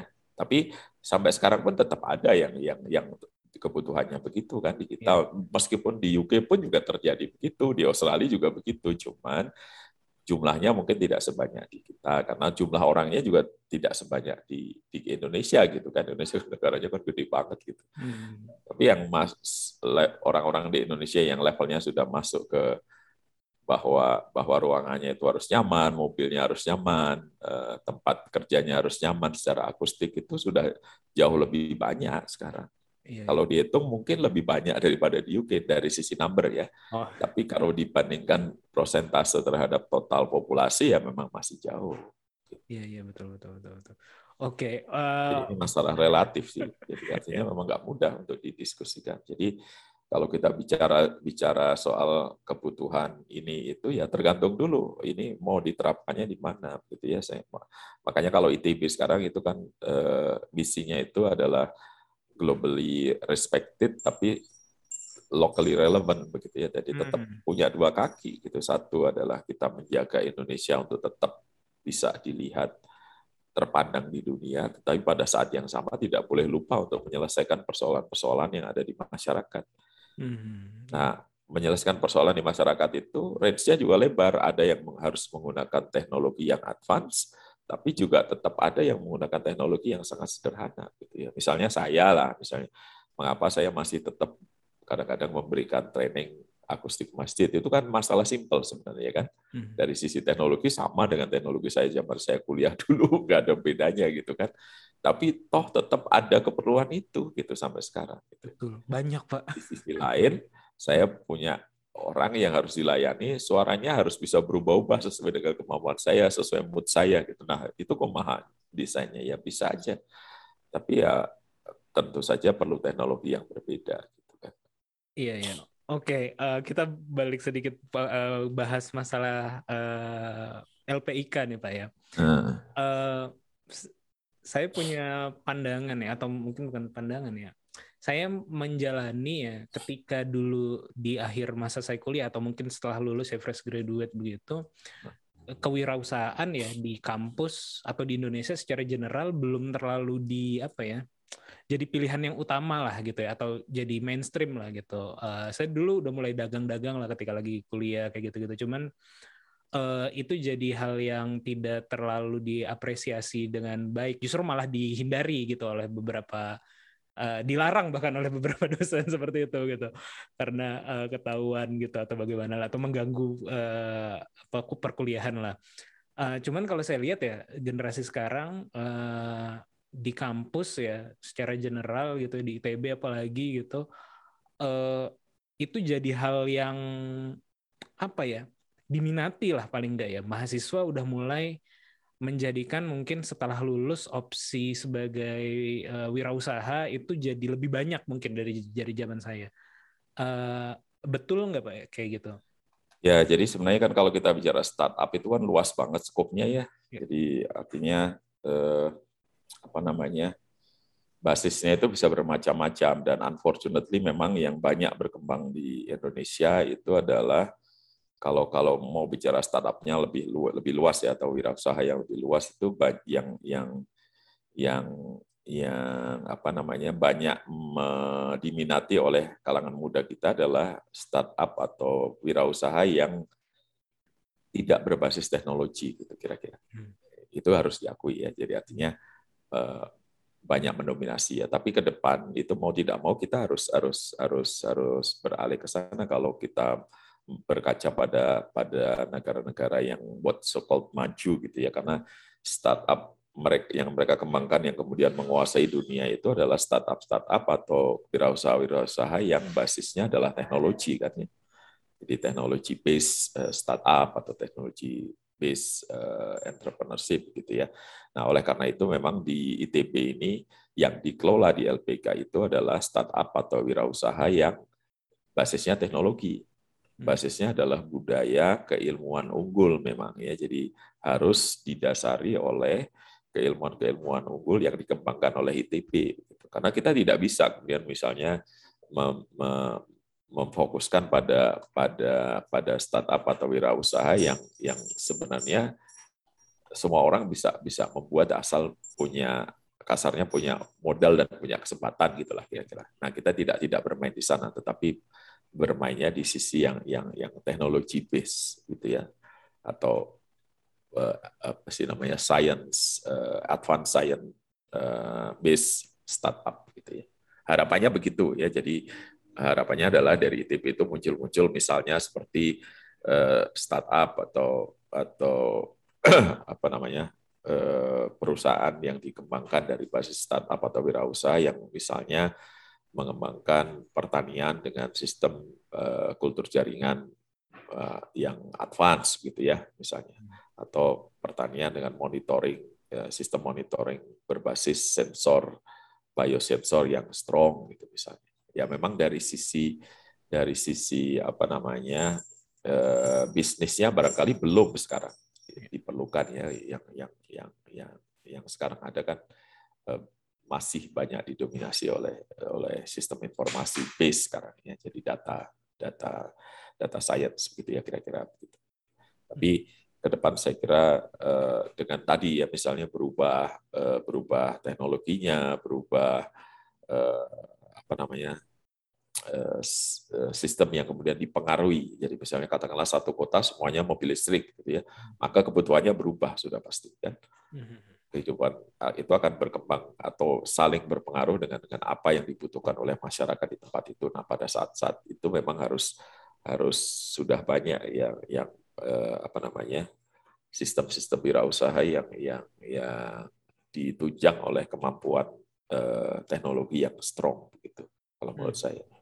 Jadi contohnya misalnya eh, podcast inilah atau kuliah yang online itu mau tidak mau kan harus berkembang makin lama makin makin imersif begitu ya karena karena sisi kognitif atau sistem eh, sistem haptiknya lah misalnya itu belum banyak disentuh sekarang. Hmm. Jadi mungkin ke depan kuliah nggak perlu datang ke kelas barangkali ya. Iya, Dari rumah jadi, saya merasa ada di kelas gitu kan. Jadi ini sekarang misalnya di tempat Mas Paji ditambahi ditambahi apa namanya uh, mikrofon 3D misalnya, maka saya tinggal mendengarkan hmm. uh, apa namanya dengan dengan perangkat yang yang yang relate gitu. Saya seolah-olah sedang berbicara di tempat mas gitu ya misalnya. Hmm. bisa juga kan. Atau kita create sebuah sebuah diskusi yang seolah-olah kita sedang berbicara di atas gunung Semeru misalnya kan bisa juga itu itu kan salah satu yang yang ke depan. Dan eh, apa namanya startup startup yang yang mengarah ke sana seperti itu ya. Ini saya mengambil contohnya yang akustik dari tadi karena bidangnya di situ. Nanti kalau saya ambil contoh yang lain eh, di diomelin banyak orang nanti. Tapi uh, intinya adalah LPK itu lebih kami lebih fokus pada startup atau wirausaha yang basisnya adalah teknologi. Hmm, I see, I see. Ya, teknologi uh, di dalam konteks ITB ya. Jadi ITB itu kan konteksnya science, teknologi, seni dan bisnis gitu ya tapi tetap basisnya teknologi. Oke, ini ini di bidang-bidang uh, itu. Ini yang saya temukan dari jadi kan setelah review dari dari Brin itu di akhir tahun kemarin uh, saya juga melakukan apa semacam kayak monitoring gitu, monef ke beberapa kampus-kampus terutama yang di luar Jawa sih. Uh, ada juga yang di di Pulau Jawa cuman yang kebanyakan swasta atau belum jadi BUM apa sih BHMN ya belum belum belum naik statusnya lah seperti itu uh, banyak banyak yang beranggapan uh, main atau apa ya um, objek utama dari lembaga inkubator atau misalnya uh, lembaga ya semacam LPIK di kampus-kampus masing-masing itu objek utamanya adalah mahasiswanya gitu. Bagaimana mengarahkan mahasiswanya menjadi entrepreneur uh, uh, jadi kebanyakan yang saya lihat malah agak miss di bidang bagaimana pemanfaatan hasil riset atau inovasi yang dilakukan oleh uh, dosen gitu. Padahal kan sebenarnya mahasiswa ini mengalir gitu kan, empat tahun hilang, empat tahun hilang gitu kalau S1 kayak gitu. Sedangkan kalau dosen kan memang ditugaskan seperti ya meneliti, eh, mengajar juga eh, pengabdian pada masyarakat kan kayak gitu. Nah kalau LPIK atau ITB secara keseluruhan ada juga nggak eh, arah untuk ya kayak komersialisasi komersialisasi teknologi dari dosennya yang dilakukan secara lebih terstruktur kayak gitu pak? Ya, Apakah itu Ad- LPIK atau lembaga yang baru tadi itu ya? Saya, saya agak miss tadi deh pak. Iya, jadi kalau sebelum ada lembaga yang baru itu memang ada di LPIK peran itu ya. Jadi sebenarnya kan peran wirausaha startup itu kan ada dua sisi ya. Satu sisi adalah pembinaan tadi yang disebutkan Mas Panji, fokusnya memang mau tidak mau harus ke mahasiswa karena mereka lah yang kemudian nanti harus harus berperan di di situ kalau dosennya kan stay di kampus ya. Kecuali kalau dosennya kemudian mau keluar dan membentuk Bisnis. membentuk Ah. bisnis dan dan tidak mengajar lagi. Nah, itu urusan lain. Tapi ada juga sih sebenarnya dari sisi eh, apa namanya dosen yang kemudian masih tetap di kampus, tapi pada saat yang sama juga punya karyanya itu kemudian dijalankan oleh oleh orang lain pihak ketiga gitu ya dalam hal ini alumni atau misalnya industri partner dan sebagainya menjadi menjadi sebuah startup atau menjadi sebuah perusahaan yang kemudian berkembang besar itu. Itu yang yang kita coba tangani juga sebenarnya. Contohnya misalnya katalis merah putih lah katanya. Itu kan sebenarnya hasil riset dosen ya yang kemudian dikembangkan menjadi joint venture company begitu ya. Jadi eh, hak intelektualnya dipindahkan menjadi saham gitu dari sisi ITB sehingga nanti baliknya ke kampus ke ke, ke inventornya dalam bentuk eh, apa namanya bagi hasil dari sisi sahamnya. Atau bisa juga dosen punya punya paten kemudian patennya itu di, dilisensikan ke perusahaan atau ke startup gitu ya dijalankan oleh orang lain kemudian inventornya dapat dapat apa namanya dapat insentif dari dari dari itu jadi ada itu dikelolanya di LPIK juga Hmm. Eh, cuma dengan adanya lembaga baru sebagian nanti akan dipindahkan ke sana. Jadi sisi eh, kembali ke sisi tadi sisi pembinaan fokusnya memang mau tidak mau ke mahasiswa. Mahasiswa ya. Hmm. Tetapi startup dan wirausaha atau inkubator bisnis katakanlah begitu ya itu nanti dikembangkan selanjutnya menjadi akselerator. Mau tidak mau memang harus ada sisi marketingnya juga kan ya Hmm. sisi jualannya. Dan itu memang selama ini memang belum kita banyak garap ya. Jadi kita berharap nantinya sisi marketing ini ada di di, di lembaga baru tadi. Jadi kita fokusnya memang tetap ke pembinaan. Nah, baik untuk untuk eh, apa namanya eh, adik-adik mahasiswa gitu untuk menjadi menjadi menjadi apa namanya player nantinya atau membantu para dosen yang kemudian eh, ingin menerapkan atau me- eh, melanjutkan apa yang sudah dilakukan dari sisi riset dasar sampai kemudian Iya. menjadi produk yang yang yang komersial gitu ya yang bisa di, dirasakan manfaatnya oleh banyak orang gitu ya. Itu perlu digarap juga. Jadi dua-duanya sebenarnya kalau menurut saya. Cuma memang ada sisi pembinaan dan ada sisi marketing ya. Dua-duanya harus jalan dengan baik ya. itu bisa di sebelum ada lembaga baru memang eh, tanggung jawabnya LPIK dan dan kita memang belum banyak bermain di sisi yang tadi ke sisi marketing ya selama ini Hmm, hmm. kita masih fokusnya lebih ke Pembinaan ya. Jadi menciptakan startup terus nanti di, di, difasilitasi untuk untuk untuk untuk mendapatkan apa namanya eh, pendanaan dari dari dari partner itu sudah dilakukan begitu ya tetapi eh, apa namanya eh, selama ini porsinya itu masih masih lebih banyak ke ke, ke pembinaan jadi Iya, iya. eh, eh, apa namanya statement tadi menjadi tidak salah bahwa bahwa di sebagian besar LPIK itu fokusnya memang ke mahasiswa memang Hmm, iya, iya. untuk kewirausahaannya ya tapi kalau untuk program riset inovasinya itu fokus kita lebih banyak ke dosen sebenarnya Iya, iya, iya. Iya, karena Karena meneruskan yang apa yang dilakukan di LPPM tadi jadi di. LPPM itu kan dari riset dasar satu sampai dapat dapat prototipe skala lab, kemudian dikembangkan menjadi skala industri dan sebagainya itu kan nggak bisa lagi di, di, di handle di LPPM, jadi harus di di LPK. Nanti begitu sudah sudah siap untuk komersialisasi, atau, eh, perlu dicarikan partner supaya dia menjadi menjadi eh, apa namanya produk yang yang siap diindustrialisasi gitu ya kira-kira. Mhm. atau industrialisasi dulu baru komersialisasi. Iya, iya. Karena yang saya lihat begini Pak, jadi eh, ada beberapa, memang memang tidak tidak kadang-kadang terlalu berlebihan juga ya kalau di beberapa lembaga pemerintah eh, berbasis riset ya, di kayak LIPI ataupun ya LIPI mungkin udah nggak ada sekarang.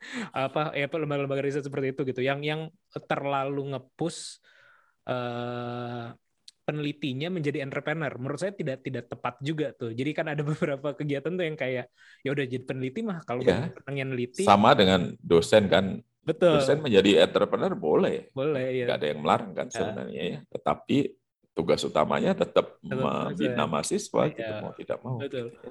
Cuma cuma perbedaannya kalau yang saya lihat ya, misalnya beberapa tahun yang lalu saya sempat hadir di pitching competition-nya di China di Shenzhen pada waktu itu.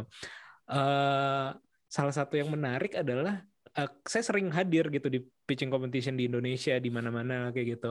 Yang di Shenzhen itu di China yang kebanyakan portofolio kalau kalau presentasi pitching gitu kan ada apa ya tim member lah atau anggota tim yang dipresentasikan gitu kebanyakan tuh eh, S3 gitu loh. Doktor memang memang researcher di mana itu jadi background portofolionya gitu loh. Jadi oke dia adalah researcher dari universitas apa, dia adalah CTO kami, dia adalah eh, apa di mana dia dia adalah ini kami gitu. Eh, jadi level inovasinya atau ya inovasi lah ya atau invensinya itu eh, cukup incremental gitu apa maju gitu loh dibanding kalau yang saya lihat kalau di Indonesia ini S1 belum tentu lulus atau misalnya ya S1 lah gitu. Jadi Ya, ya karena ada tadi jadi artinya gitu. kan tadi kan eh, statement awalnya itu eh, apa namanya eh, startup di- kita itu yang sebagian besar itu bukan yang yang teknologi base gitu ya. Jadi memang kebutuhannya memang bukan bukan S3 jadinya. Kalau kita bicara soal S3 apa eh, startup teknologi base maka mentornya mau tidak mau harus yang menguasai teknologi kan gitu kan harusnya kan. Iya. Jadi menjadi dosen di perguruan tinggi sekarang itu menjadi menjadi double double load di- jadinya kalau menurut saya gitu kan kira-kira kan Iya, iya. kalau mau main di situ ya makanya tidak banyak dan dan sebenarnya kebutuhannya kan juga eh, kalau karena misalnya ITB punya punya eh, 1.500 dosen begitu ya yang bermain tiga persen di di area situ udah sudah bisa bagus itu tiga persen itu kan sekitar 50 orang gitu ya kurang lebih ya. Apakah sama juga jadinya kayak yang kita bahas masalah akustik dan mm, dan tadi ya. Jadi jangan-jangan memang kenapa belum terlalu banyak yang teknologi base. Oke, mungkin ada yang teknologi tapi tidak terlalu advance lah gitu ya, Ya, ya. di Indonesia gitu. ya. Jadi levelnya masih inovasinya mungkin eh, belum terlalu tinggi gitu level inovasinya. Apakah sama case-nya dengan yang kasus tadi di eh, akustik? Eh, Memang Ya tarik ulur antara market dengan marketnya belum belum butuh gitu. eh, bukan marketnya sudah diisi oleh yang dari luar masalahnya. Ah, I see. Iya kan? Ya, I see. tarik ulur itu kan sebenarnya kan selama ini begitu ya tentu saja katakanlah misalnya negara tangga punya punya produk kan dia harus jualan paling paling cepat revenue-nya ya ke ke Indonesia gitu kan Iya, iya, mau tidak mau sehingga eh, ya kita bertarungnya dengan dengan teman-teman itu Mhm. ya kita pilihannya kan penyandang modalnya itu mau revenue-nya cepat balik atau Iya. kan gitu Iya, iya. ya kalau selama selama dengan kondisi saat ini fine fine aja ya ya, ya Iya, tetap akan begini masih cukup lama gitu artinya eh, tingkat konvergensinya menuju ke kebutuhan bahwa startup berbasis teknologi yang dikembangkan Indonesia itu lebih cepat itu menjadi masih masih perlu naiknya masih pelan pelan tetapi menuju ke sana saya kira karena sudah cukup banyak kan ya yang teknologi misalnya katakanlah eh, Gojek misalnya ya kata- sorry nyebut merek boleh nggak nih? Gak apa-apa, Pak. Ya, itu kan dari sisi dari sisi eh, apa bisnisnya mungkin mungkin bukan teknologi base gitu ya, tetapi dari sisi sistem yang dibangun itu data science banget itu kan kira-kira kan gitu kan muncul di sana. Dan itu ada dan bisa gitu ya. Ya kalau yang seperti itu kemudian dikembangkan di sektor-sektor lain dan saya kira playernya juga harus kalau diperbanyak mungkin somehow nanti eh, kalau semuanya lancar harusnya begitu yang terjadi kan. Kita tidak tidak hanya sekedar market tetapi juga juga juga produsen begitu ya di dalam konteks itu.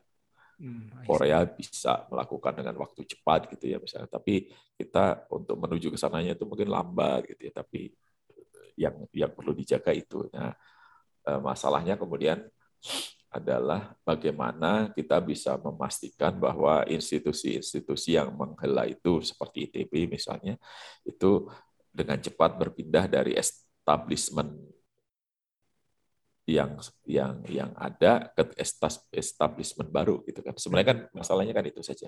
Jadi ITB mungkin pada saat du- 50 tahun lagi, 50 tahun yang lalu itu naik naik gitu ya.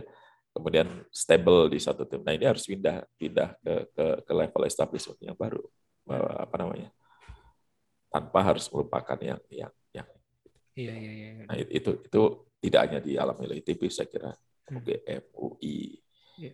Unair dan eh, dengan munculnya kampus-kampus baru yang yang yang progresif gitu saya kira akan menjadi bagus menurut saya dari sisi selama dikelolanya tidak sekedar kompetitif ya. Jadi artinya sisi kolaboratifnya harus juga di- digarap gitu. Karena kalau kalau semuanya dibuat kompetitif yang ada nanti jadi apa jadi kontraproduktif kalau menurut saya. Iya betul betul betul. jadi kalau ada yang mulai dari nol sementara di tempat lain sudah ada 30 ya kenapa tidak kolaborasi aja? Betul betul betul. Betul. Kadang-kadang justru itu kan masalah mind mindset ya jadi artinya mindset dan ego pak. ego ya itulah kira-kira ya jadi itu yang yang tidak mudah karena memang PR PR-nya PR-nya kita itu di situ dan mudah dikilik-kitik sama sama sama Ya. sama mereka-mereka yang yang pengennya kita jadi market aja Iya iya. dengan mudah bisa dimainkan gitulah kira-kira menarik banget ngobrol dengan Pak Joko nih. Se- se- apa banyak hal-hal yang kelihatannya apa disampaikan dengan eh, apa ya eh, halus gitu, tapi sebenarnya ada lapisan-lapisan.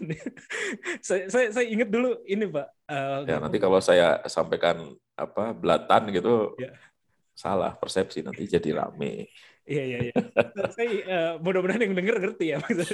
saya saya jadi ingat dulu saya pernah eh, diskusi bukan diskusi saya saya lagi laporan terkait dengan perkembangan tugas akhir atau apa gitu ya ketika tahun 2011 atau 2010 gitu pas pas lagi tugas akhir dengan Pak Joko gitu. Terus entah kenapa saya saya diskusi terkait dengan eh, atau saya udah lulus itu ya aduh saya, saya agak lupa time frame -nya. cuman cuman saya kurang lebih bertanya gitu. Eh masalah kontribusi eh, atau nasionalisme lah ibaratnya. Jadi kayak oh ya ya nanti balik lagi ke Indonesia berkontribusi terhadap negeri atau apa waktu itu dalam dalam konteks atau mindset saya adalah seperti itu gitu. Cuman Pak Joko waktu itu bilangnya ke saya adalah eh se sebenarnya eh, saya lupa kata-kata persisnya. Cuman cuman eh, Pak Joko bilang eh, tergantung domainnya sebenarnya. Waktu itu Pak, Pak Joko bilang kurang lebih seperti itu tergantung domainnya. Eh, kalau kita domainnya adalah eh, lebih ke ya karena kita sama-sama Muslim waktu itu lebih ke akhirat kayak gitu ya. Eh, sebenarnya kan tidak dinilai kamu kontribusinya di Indonesia tapi kalau kamu kontribusinya di luar terhitung pahala juga seperti itu jadi Pak, Pak, saya, saya justru kebanyakan kalau dengan dosen-dosen tuh obrolan-obrolan di luar kelas pak yang saya. Eh, ya ya kebayang nggak kalau misalnya kita semua negara di dunia ini itu fokusnya pada jadi produsen gitu startupnya produsen terus marketnya sopo Iya iya iya iya iya betul betul betul. jadi kan tetap harus ada balancing ya jadi market itu nggak salah juga gitu kan tapi ya bo jangan kebangetan gitu ya kira-kira kan gitu kan dasarnya kan Iya, iya. jadi mestinya kita ada hal-hal yang yang harusnya kita bisa bisa sendiri. Eh, dua tahun terakhir ini mengajarkan banyak hal tuh soal misalnya soal produk alat kesehatan gitu ya. Di awal itu kan gitu paniknya kita kan ya. Banyak hal yang kita tidak bisa tidak punya gitu ternyata. Tidak mampu menghandle situasi tapi ternyata bisa kok kalau diberi kesempatan gitu kan Hmm. jadi kan ini masalah ini aja masalah eh, mindset balancing antara antara kita produce atau kita kita beli gitu ya Nah, ini, ini memang eh, kalau ditarik lagi masalahnya nanti pada pemilik modal memang yang mau tidak mau kan pasti. Jadi Iya, iya, iya. Kalau program pembinaan terdekat apa nih Pak LPK? Apakah lagi opening eh, ini? kita sedang eh, jalan dua bulan lalu ya kalau ya sebulan lalu rasanya mulai ada WW dan TOP ya kita eh, ada pembinaan dan barusan juga ada call lagi rasanya dicoba diamati di Instagramnya LPIK ya. Kita Mhm. sedang rekrut ta- talent juga rasanya.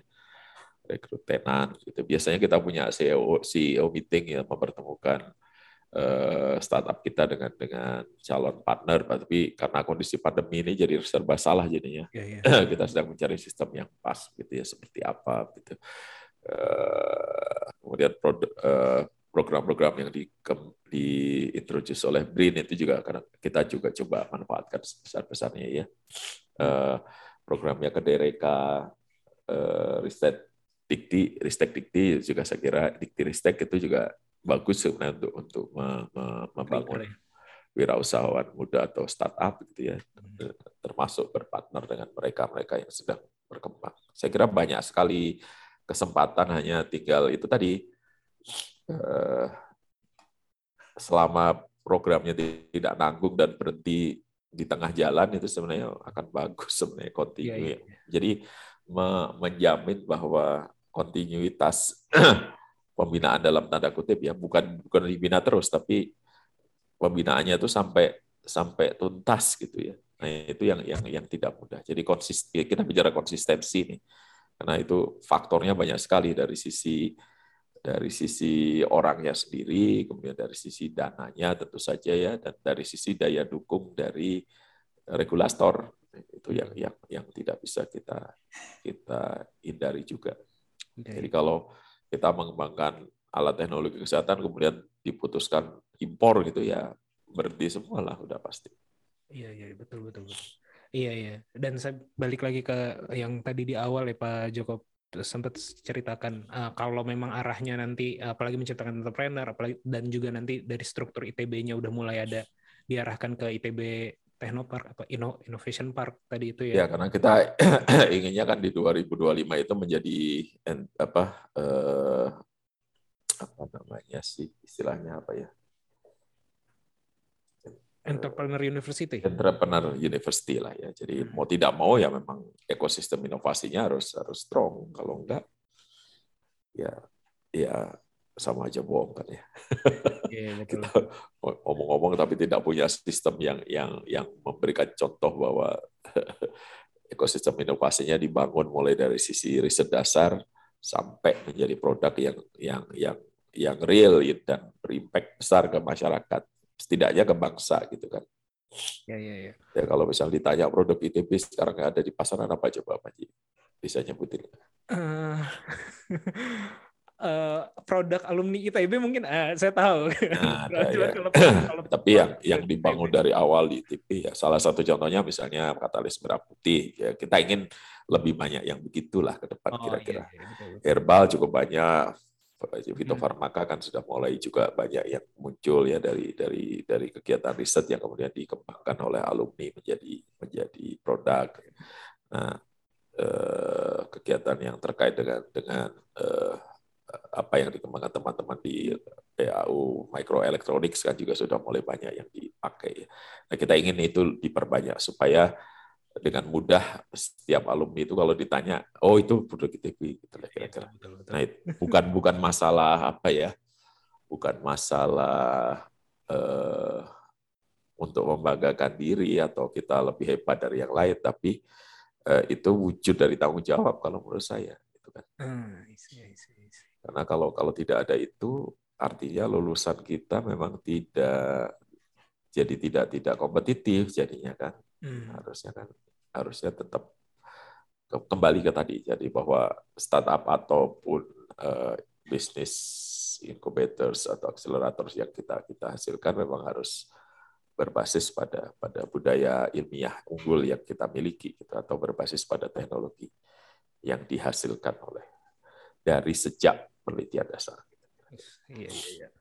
Oke Pak, ini kita obrolannya udah cukup panjang nih, udah Ya. lebih dari ininya. Eh, mungkin terakhir ada ada ada hal-hal yang ingin disampaikan lagi Pak yang belum mungkin belum sempat saya tanyakan atau kita Ya, nanti panjang lagi.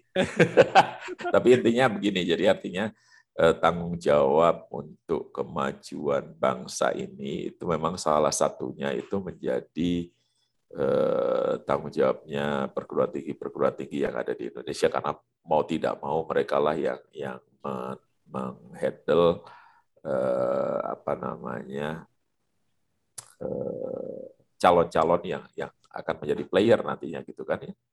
Kalau tapi itu tidak bisa sendiri. Jadi artinya mau tidak mau tidak mau eh, support dari industri, support dari dari masyarakat dan support dari regulator harus jadi satu. Hmm. Tidak bisa enggak. Iya, iya, iya. Ya, kalau semuanya maunya di- diserahkan pada pada perguruan tinggi ya nanti jadi kabur ya seperti yang tadi dibilang bahwa nanti semua dosennya mau jadi entrepreneur terus siapa yang jadi yang ngajar yang ngajar mahasiswanya nggak ada kan gitu. Ya, super sekali. Pak, ini Jokosa ya? Nggak, nggak ada ini, Pak. Karena Jokowi jadi Jokosa. Kosar ya Joko Sar. nggak ada nggak ada yang mau enak Oke, eh, thank you Pak Joko. Eh, terima Ya. kasih banyak, Hatur Nuhun. Eh, terima kasih juga yang udah dengar Ya. sampai akhir. Semoga obrolan kami ada manfaatnya dan ada, ada yang bisa diambil. Eh, Ya. Amin, amin. Jadi terima kasih sudah diundang juga. Jadi saya bisa eh, promote Dengar teknik gitu. fisika juga yang selama ini tidak banyak dikenal orang gitu ya. Jadi kalau mumpung ini masih masih masa-masa apa namanya meskipun yang SNMPTN udah lewat gitu ya, tapi masih ada SBMPTN, mandiri dan seterusnya. Jangan ragu-ragu untuk masuk teknik fisika gitu ya karena eh, apa namanya